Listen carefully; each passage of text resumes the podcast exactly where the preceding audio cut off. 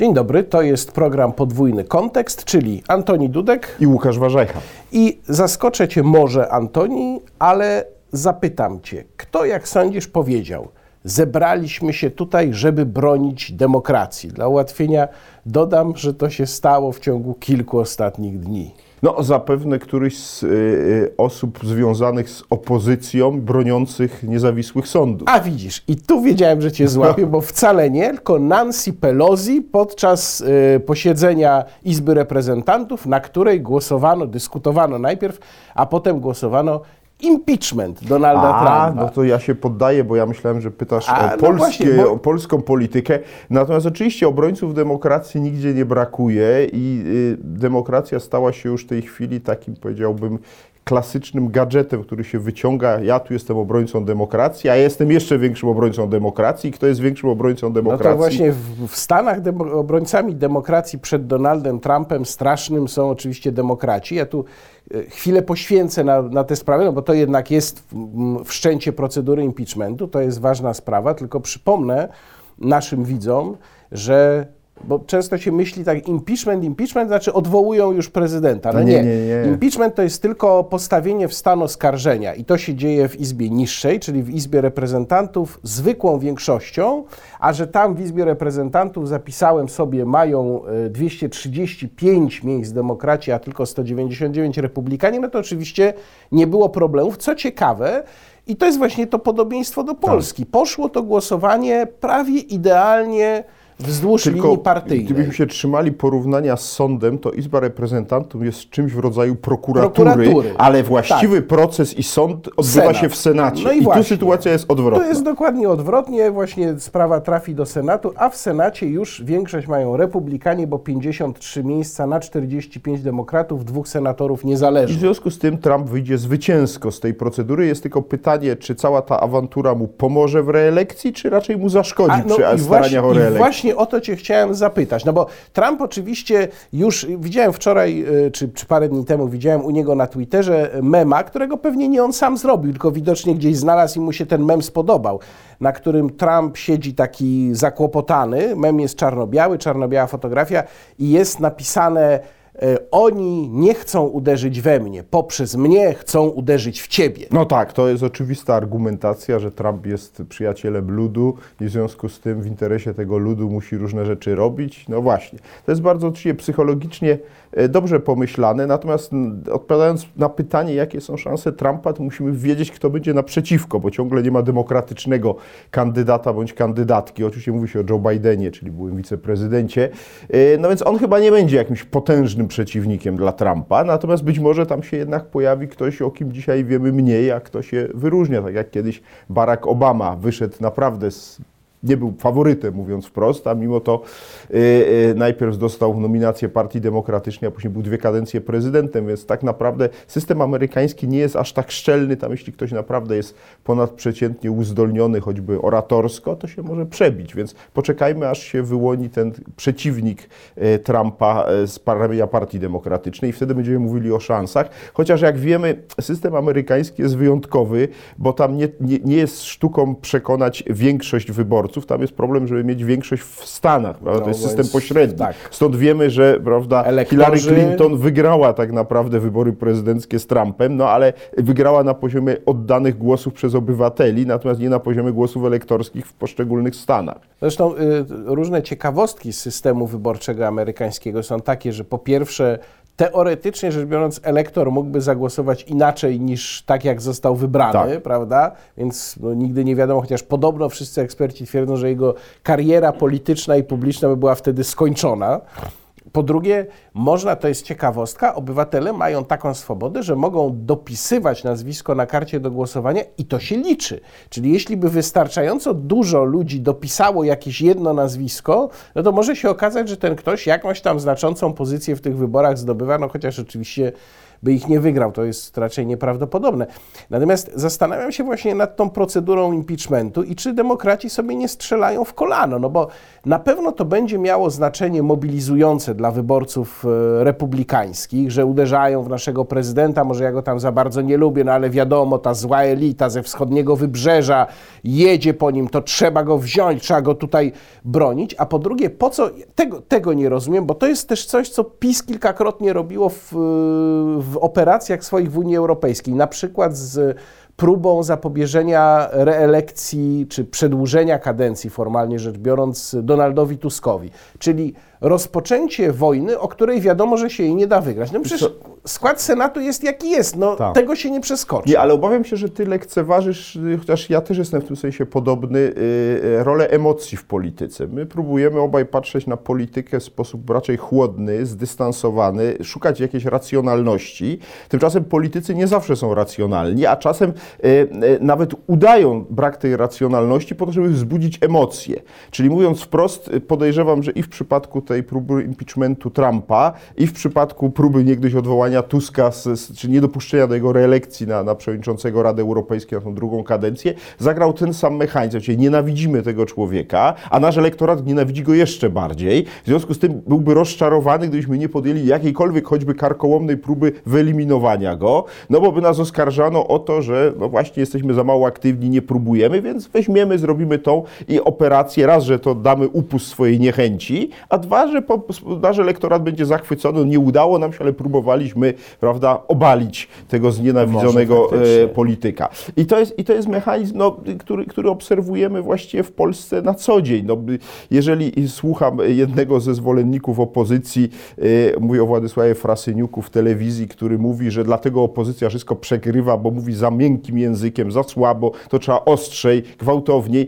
no to to jest oczywiście e, wyraz jakiejś gigantycznej emocji, a nie racjonalności, bo gdyby wszyscy e, e, rzucali mięsem z opozycji, to jest oczywiste, że nie zmieniłoby to wyboru, wyniku wyborów, które mieliśmy e, dwa miesiące temu. Po prostu to jest tak, że rzecz nie jest w języku, choć oczywiście język też bywa ważny, tylko w pewnych nastrojach społecznych, które wynikają z- czegoś innego niż to, co mówią politycy. Ale Znaczy, mało wynikają tego- z poziomu życia, z oceny funkcjonowania państwa i tak Ta dalej. sugestia Frasyniuka to jest przecież też pójść, pójście y, wbrew temu, co wydawało się, że opozycja trochę zaczęła rozumieć tak w okolicach wyborów parlamentarnych, że nie można budować wszystkiego na antypisie. Chociaż prawdę mówiąc, jak słuchałem Grzegorza Schetyny, wystąpienia Grzegorza Schetyny y, na tej konwencji, na której wybrano, czy dokonano, ogłoszono wybór, y, y, rezultat prawyborów na kandydata na prezydenta, to miałem wrażenie, że Grzegorz Schetyna kompletnie nic, żadnych wniosków z tego nie wyciągnął, bo jego wystąpienie było znowu dokładnie takie. Zły PiS, zły PiS, zły PiS, my dobrzy.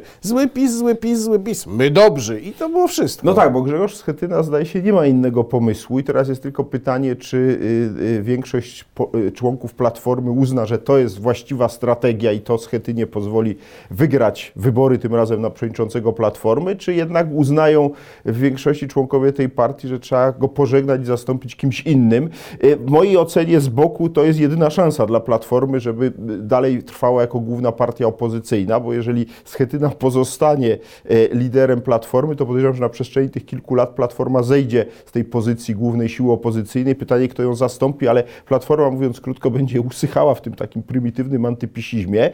A i tak przyjdzie Władysław Frasyniuk i powie to za słabo, za miękko i w ogóle jesteście nieudacznikiem. Prawda? On mówi, że już ma wymioty, jak widzi tych polityków przed Sejmem, coś tam ciemiące. Tak by się domagał, nie wiem, żeby ten tłum wtargnął do tego Sejmu i tam w zastępstwie Kaczyńskiego, nie wiem, wicemarszałka Terleckiego zlinczował, prawda?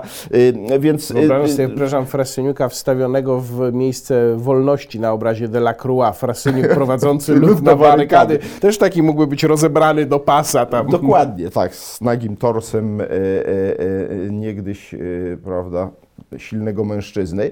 Nie, ale e, e, ja powiem tak, opozycja rzeczywiście nie ma pomysłu, ale też trudno się jej dziwić, bo przegrała trzy kampanie e, wyborcze w ostatnim okresie, no i czeka ich ostatni bój, później będzie przez wiele lat, e, e, przez wiele lat będzie, trzy lata będą bez wyborów, czyli wybory prezydenckie, no i na razie jak widzimy proces wykluwania się tych kandydatów, no to on przed, wygląda dość mizernie.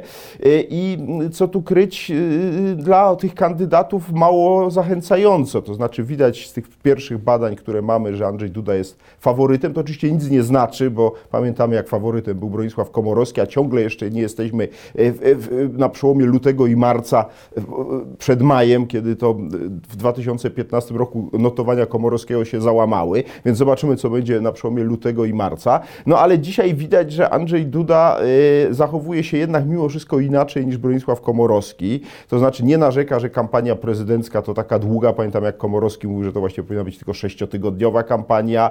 I właśnie podchodził z takim, powiedziałbym, przekonaniem, no, że oczywiście zwycięstwo jest w kieszeni, musimy tą przykrą procedurę odbyć. U Dudy tego poziomu arogancji nie ma, co nie zmienia faktu, że nie zdarzają mu się też różne nieudane y, wypowiedzi czy, czy zachowania, które mu pewnie y, wyborców, zwłaszcza centrowych, nie przysparzają, bo zaangażował się bardzo mocno w sprawę sądów, a mógł poczekać, prawda? Mówię o tej ustawie dyscyplinującej sędziów, kiedy właściwie on już ją wprost poparł, chociaż ona jeszcze w ogóle nawet przez Sejm nie została przyjęta, więc, y, a jeszcze czekają Senat i tak dalej, właśnie, więc to, to jest, to... jego rzecznik był ostrożniejszy, bo mówił, że poczeka, pan prezydent się wypowie, jak będzie ustawa, wyjdzie z Sejmu, z parlamentu, po czym, po czym do, sam prezydent właściwie de facto powiedział, że ją podpisze. To jeszcze, to jeszcze poczekaj chwilę z ustawą, bo to też takie nie jest do końca oczywiste, bo potem inne sygnały zaczęły napływać, ale jeszcze zostawmy sobie na chwilę tę ustawę, porozmawiajmy, skoro już płynnie od Trumpa przeszliśmy do naszych spraw, to porozmawiajmy może o tych kandydatach na prezydenta, no bo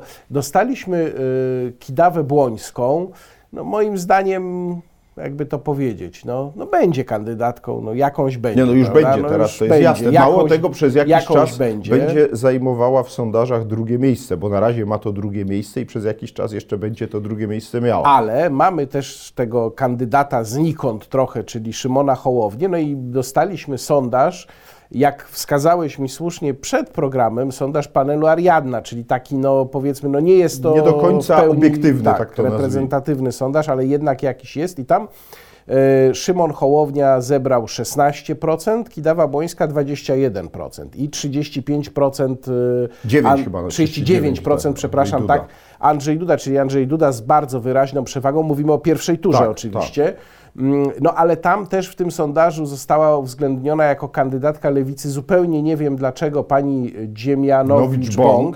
Nawet właśnie dobrze powiedziałem nazwisko, ale chyba. musiałem chwilę tak, się tak. zastanowić, no bo absolutny no, no-name w polityce. No przynajmniej na razie. Też pytanie, jakby te wyniki wyglądały, gdyby tam wstawić na przykład Adriana Zandberga, który no, kandydatem na raczej nie będzie. to lepsze niż pani Dziemianowicz-Bąk. Bo on się pojawiał w wielu tak. sondażach jako kandydat. I pytanie na przykład, czy wtedy Hołownia też by miał 16%, czy nadal 21% by miała Kidawa Błońska. Ale też się zastanawiam, jak to z tym Hołownią jest, bo ja jednak pomijając już to, że w ogóle jestem bardzo sceptyczny, uważam, że to jest swego rodzaju taki produkt marketingowy, którego celem jest dokonanie jakiejś operacji na elektoracie w pierwszej turze. Zabranie komuś, nie wiem, zmobilizowanie jakiejś grupy, ale nie bardzo mi się chce wierzyć, żeby tego typu wynik, już załóżmy, że on jest powiedzmy mniej więcej taki, niech to będzie 13%, nie 16%, żeby on się utrzymał do wyborów. Ja myślę, że Szymon Hołownia po pewnym, przy pewnym urealnieniu tego wyniku, to tak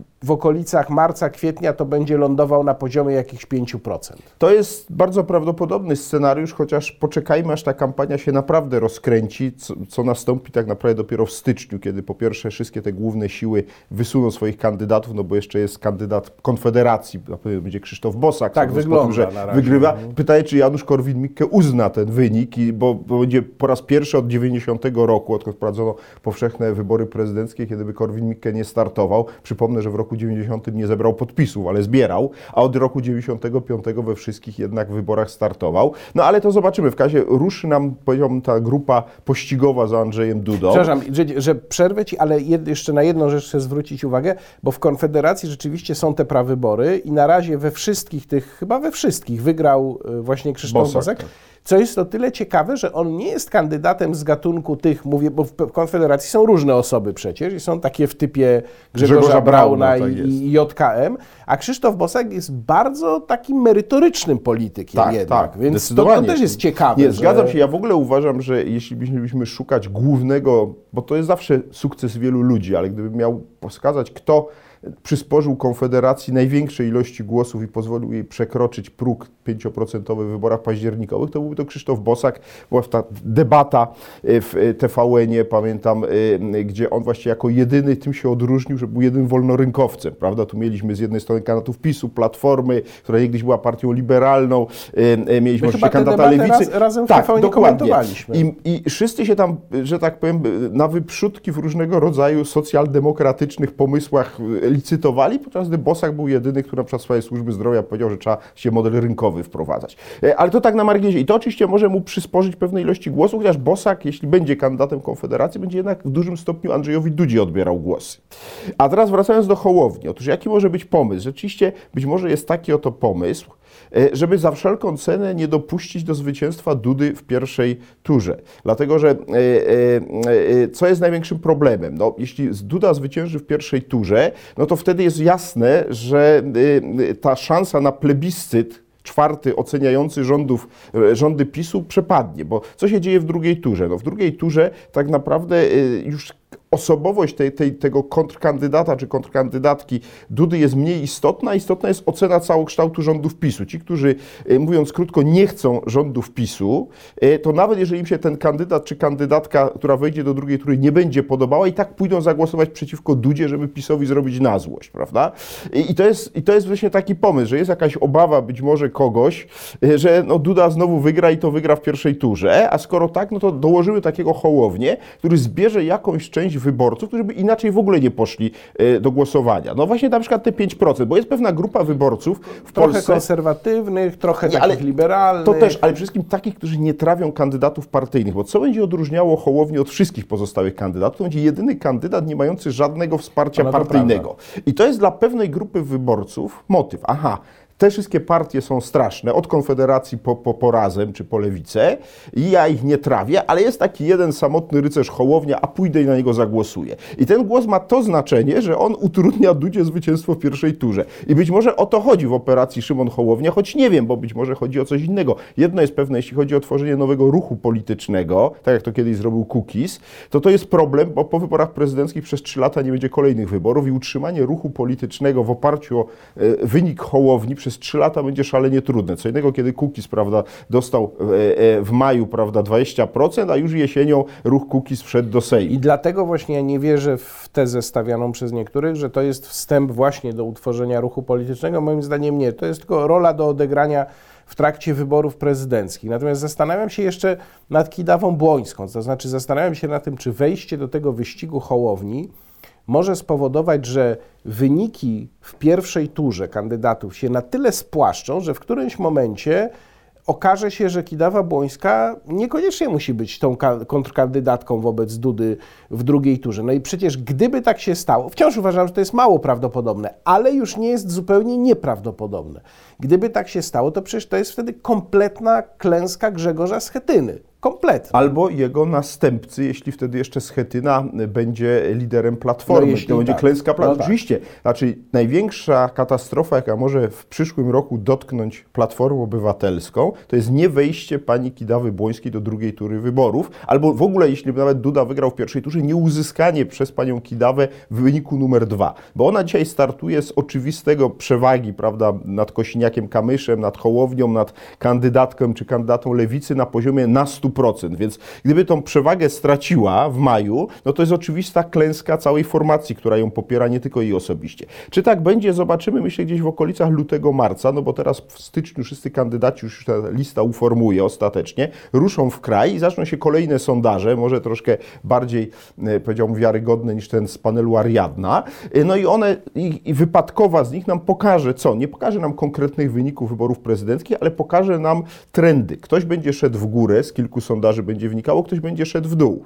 E, I w związku z tym wtedy zobaczymy, jak wygląda sytuacja pani Kidawy Błońskiej. Ja nie kryję, że jestem sceptyczny bardzo co do tej kandydatury z prostego powodu. E, e, ona moim zdaniem będzie źle znosiła tak zwane spotkania z tłumem, zwłaszcza jak ruszy w trasę po mniejszych no, miastach. Antoni źle znosiła spotkania z tłumem. Ona źle zniosła nawet spotkanie z tłumem yy, własnych kolegów partyjnych. No więc o tym chciałem powiedzieć. Ja słyszałem, tak, że podobno że podobno y, było duże rozczarowanie wśród działaczy Platformy tym, jak ona sobie nie poradziła z własnym wystąpieniem, które miała wszystko podane na tacy, wszystko przygotowane, absolutnie przychylne audytorium i była tak zdenerwowana, Dokładnie nie była tak. w stanie w ogóle mówić spójnie, myliła się. No, ja patrzyłem na to i dramat. Osoba, która od tak długiego czasu uczestniczy w życiu publicznym, no ma za sobą wystąpienia czy mówienie do ludzi jako wicemarszałek Sejmu i nie potrafi sprawnego wystąpienia wygłosić do własnych kolegów partyjnych w tak przychylnym otoczeniu, to jak ona ma wyjść do ludzi, którzy będą jej mówili różne rzeczy, również No nieprzyjemne, będą nieprzyjemne, gwizdać, tak, tak, buczeć, tak. pokrzykiwać i trzeba sobie jakoś z tym poradzić. No jest dlatego podejrzewam, że to e, może doprowadzić do załamania po prostu notowań tej kandydatury, tym bardziej, że wiemy, że telewizja publiczna i Jacek Kurski pośle e, swoich operatorów kamer za panią Kidawą Błońską i będą każdy jej publiczny krok filmować. No i każde takie nieudane wystąpienie będzie nie tylko rejestrowane, ale później wielokrotnie powtarzane i prawdopodobnie będzie ten wizerunek, e, wizerunek e, e, pani, pani Kidawy Błońskiej demolować coraz bardziej. W związku z tym ja nie wróżę tutaj, ale co to oznacza? To znaczy, że otwiera się szansa dla tych kandydatów, którzy dzisiaj właśnie są przez nas traktowani jako mniej prawdopodobni, czyli dla Kosiniaka-Kamysza, dla Hołowni właśnie i dlatego być może kandydata bądź kandydatki Lewicy, którego jeszcze nie znamy, ale także dla Krzysztofa Bosaka. Znaczy moim zdaniem, jeśli się załamią notowania pani Kidawy Błońskiej, każdy z tych wymienionych przeze mnie e, kandydatów ma szansę być tym numerem dwa tych wyborów i proszę pamiętać, że nawet jeżeli on e, e, by nie wszedł do drugiej tury, by drugiej tury w ogóle nie było, to fakt uzyskania przez kogokolwiek poza panią Kidawą Błońską wyniku numer dwa, nawet mówię w pierwszej turze i, i gdyby się wybory skończyły na pierwszej turze, jest ogromnym wstrząsem dla sceny politycznej, jest narodzinami, że tak powiem, no, ogromnym wzmocnieniem formacji politycznej, która takiego kandydata wysunęła. No i teraz jest pytanie o Hołownię. No tu nie ma tej formacji politycznej, więc on jako jedyny pewnie nie skonsumuje tego. Ale o czym mówię? Na przykład jeśli Kosiniak-Kamysz osiągnął wynik numer dwa, to to jest dla PSL-u po tym momencie, kiedy oni byli właściwie już na stanie śmierci klinicznej przed wyborami parlamentarnymi, to nie jest tylko, że pacjent się wybudził e, jakby i odzyskał przytomność, co się nastąpiło w październiku i, i utrzymał się w Sejmie, ale nagle ten pacjent wstał i zaczyna coraz szybciej maszerować. I to jest, i to jest rzeczywiście dla PSL-u fantastyczna wiadomość, bo jeżeli Platforma zacznie słabnąć, no to się otwiera to, e, na co też liczy Donald Tusk, czyli jakieś pole w centrum e, e, e, sceny politycznej, gdzie w miejsce Platformy, czy w części, z której Platforma się usunie, którą odda, jest szansa na zbudowanie czegoś nowego i wielu polityków zaczyna wokół tego krążyć. Do Kośniak-Kamysz, Donald Tusk, być może ci, którzy stoją za Hołownią, kto wie. O właśnie, Donald Tusk, ale o nim to na pewno porozmawiamy jeszcze w którymś z następnych programów. Ja dostałem takie zadanie ze swojej redakcji, że przynajmniej muszę przejrzeć książkę Donalda Szczerze. Tuska szczerze, więc to no, trudne. Takie zadania czasem redakcja też przed swoimi publicystami stawia, bo będę musiał o tym napisać. A teraz pomówmy w takim razie o tych protestach sądowych i o ustawie zwanej przez opozycję, nazywanej kagańcową. To tak naprawdę to jest ustawa o zmianie ustawy o ustroju sądów powszechnych i tam niektórych innych ustaw. Em, ja sobie to przejrzałem. Ten projekt budzi wielkie wątpliwości, rzeczywiście. E, I moim zdaniem on niczego oczywiście nie rozwiąże, bo on spowoduje tylko wśród sędziów, gdyby wszedł w życie w tej postaci, spowoduje rosnącą frustrację, wściekłość, absolutne zjednoczenie już całego środowiska przeciwko PiSowi. To jest dla mnie zupełnie jasne. Ale z drugiej strony, jak patrzę na takie niezdrowe, takie infantylne podekscytowanie opozycji, tym, że znowu protesty, tu już idziemy, przecież to, co mówiłeś o Frasyniuku, o jego tych, y, mm, że tutaj właśnie ostrze i tego, no to to jest też spowodowane właśnie tym. Więc y, mam wrażenie, że obie strony jakoś się straszliwie nakręciły, ale jednocześnie są te sygnały i ze strony porozumienia Jarosława Gowina i jednak też z kancelarii prezydenta, że no tam trochę może złagodzić, że to tam są zbyt ostre w tej ustawie y, sformułowania. Przede wszystkim chodzi o konsekwencje. Nie o to, za co sędziowie mają być karani, tylko o konsekwencje, które mogą być wyciągane.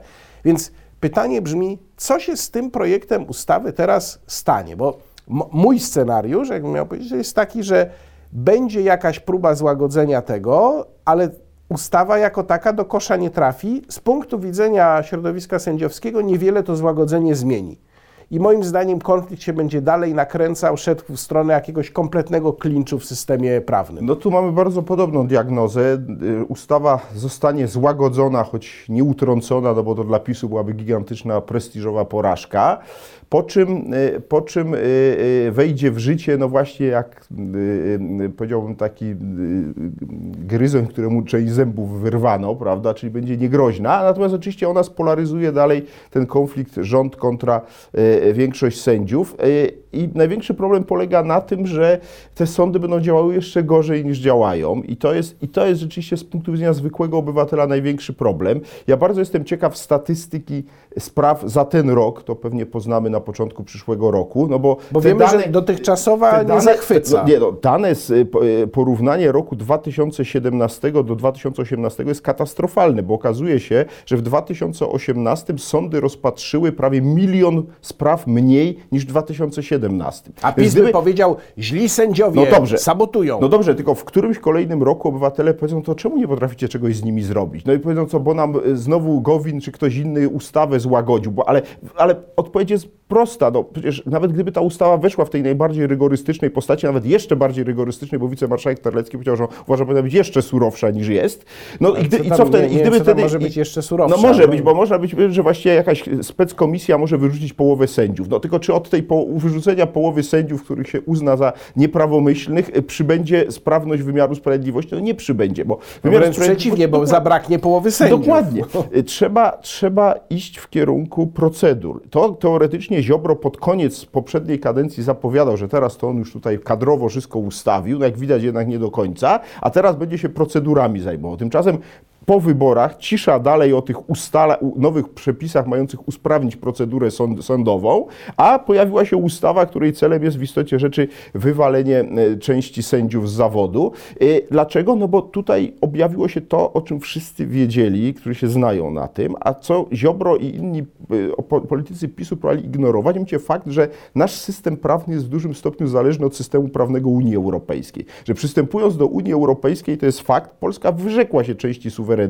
No mamy te opinie Biura Analiz Sejmowych, która przecież Dokładnie. właśnie się odwołuje do kryteriów unijnych i druzgocąca jest dla tej Tymczasem, ustawy. tymczasem y, cała reforma sądownictwa w Polsce była robiona w założeniu, nie będzie nam Bruksela nic dyktowała, czy Strasburg, będzie jakoś, poradzimy sobie z nimi. Tymczasem no, te młyny sprawiedliwości europejskiej mielą bardzo powoli, chodzi tak szybciej niż w Polsce i w końcu wymieliły ten wyrok TSUE, y, który dał z kolei Sądowi Najwyższemu, tej Izbie Pracy, możliwość wydania wyroku, który na przykład uczynił znaczną część reformy, którą PiS wprowadził, no wątpliwą choćby tą Izbę Dyscyplinarną, prawda? I teraz do czego zmierzam? To znaczy PiS miał dobrą intencję, bo rzeczywiście środowisko sędziowskie, y, no delikatnie mówiąc, miało sporo za uszami, tylko że załatwił to z wdziękiem no, kogoś, kto, prawda, przy pomocy obcążek nam wyrywa zęba, prawda? Coś, co wymaga rzeczywiście bardzo Ja precyzyjnego powiedział działania, dobrego przy, przy, przy, przygotowania. po, przy pomocy, za pomocą młota pneumatycznego nam boruje w zębie. No niech raczej będzie. To, to możemy tego typu porównania mnożyć, ale wiemy o co chodzi. Znaczy, że mówiąc krótko, PiS się zabrał, e, mając moim zdaniem w większości trafną diagnozę złych rzeczy, które się w sądownictwie działy. To znaczy, po pierwsze, rzeczywiście byli tam sędziowie z korzeniami PRL-owskimi, ale oni przy czym biologicznych już nie, nie, nie, nie, nie, nie, nie, byli jakąś wielką grupą, ale byli, to fakt. Natomiast przede wszystkim była potworna przewlekłość tych postępowań. Były różne dziwne rzeczywiście przykłady, powiedziałbym, kumoterstwa wewnątrz sędziów. Trzeba było jakoś próbować na to oddziaływać. Tymczasem PiS w istocie przeprowadził rewolucję kadrową w sądownictwie, po czym efekty tej rewolucji są takie, że sądy działają gorzej niż działały, no i obywatele czekają, co będzie dalej. No moim zdaniem w końcu to się zwróci przeciwko PiSowi, no bo jeżeli po kolejnych czterech latach rządów PiSu się okaże, że te sądy tak naprawdę już po ośmiu latach e, e, reform pisowskich działają znacznie gorzej niż na początku, że ludzie się rozwodzą dwa razy dłużej niż dawniej, że sprawy spadkowe trwają trzy razy dłużej. przedsiębiorcy czekają dłużej na pieniądze. Dokładnie, no to w końcu to się musi y, zemścić na Prawu i Sprawiedliwości, bo to nie jest tak, że, że y, sztuką jest tylko powiedzenie, że coś źle działa. Sztuką jest znalezienie sposobu, jak to usprawnić, żeby działało lepiej.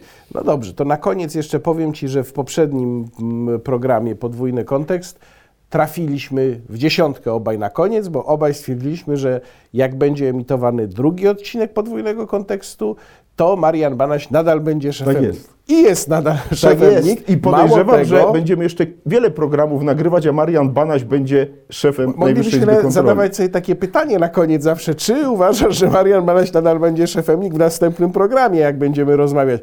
Ale tu Marian Banaś poszedł jeszcze o krok dalej, ponieważ znowelizował zarządzenie własne, czy zarządzenie prezesa Prezesa NIK NIK.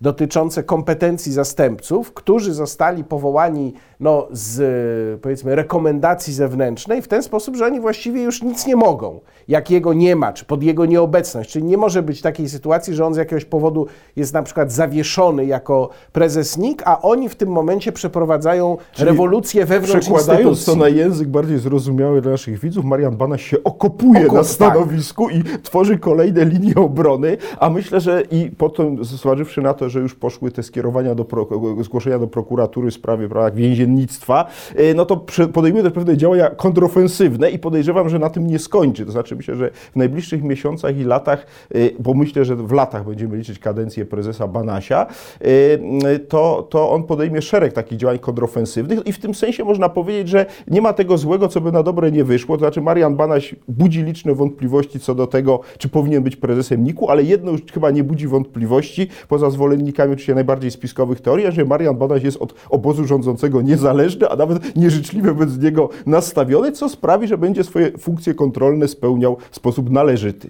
O, i to jest przynajmniej na koniec naszego programu jakiś pozytywny akcent. To był podwójny kontekst. Antoni Dudek. I Łukasz Warzecha. Do zobaczenia za dwa tygodnie.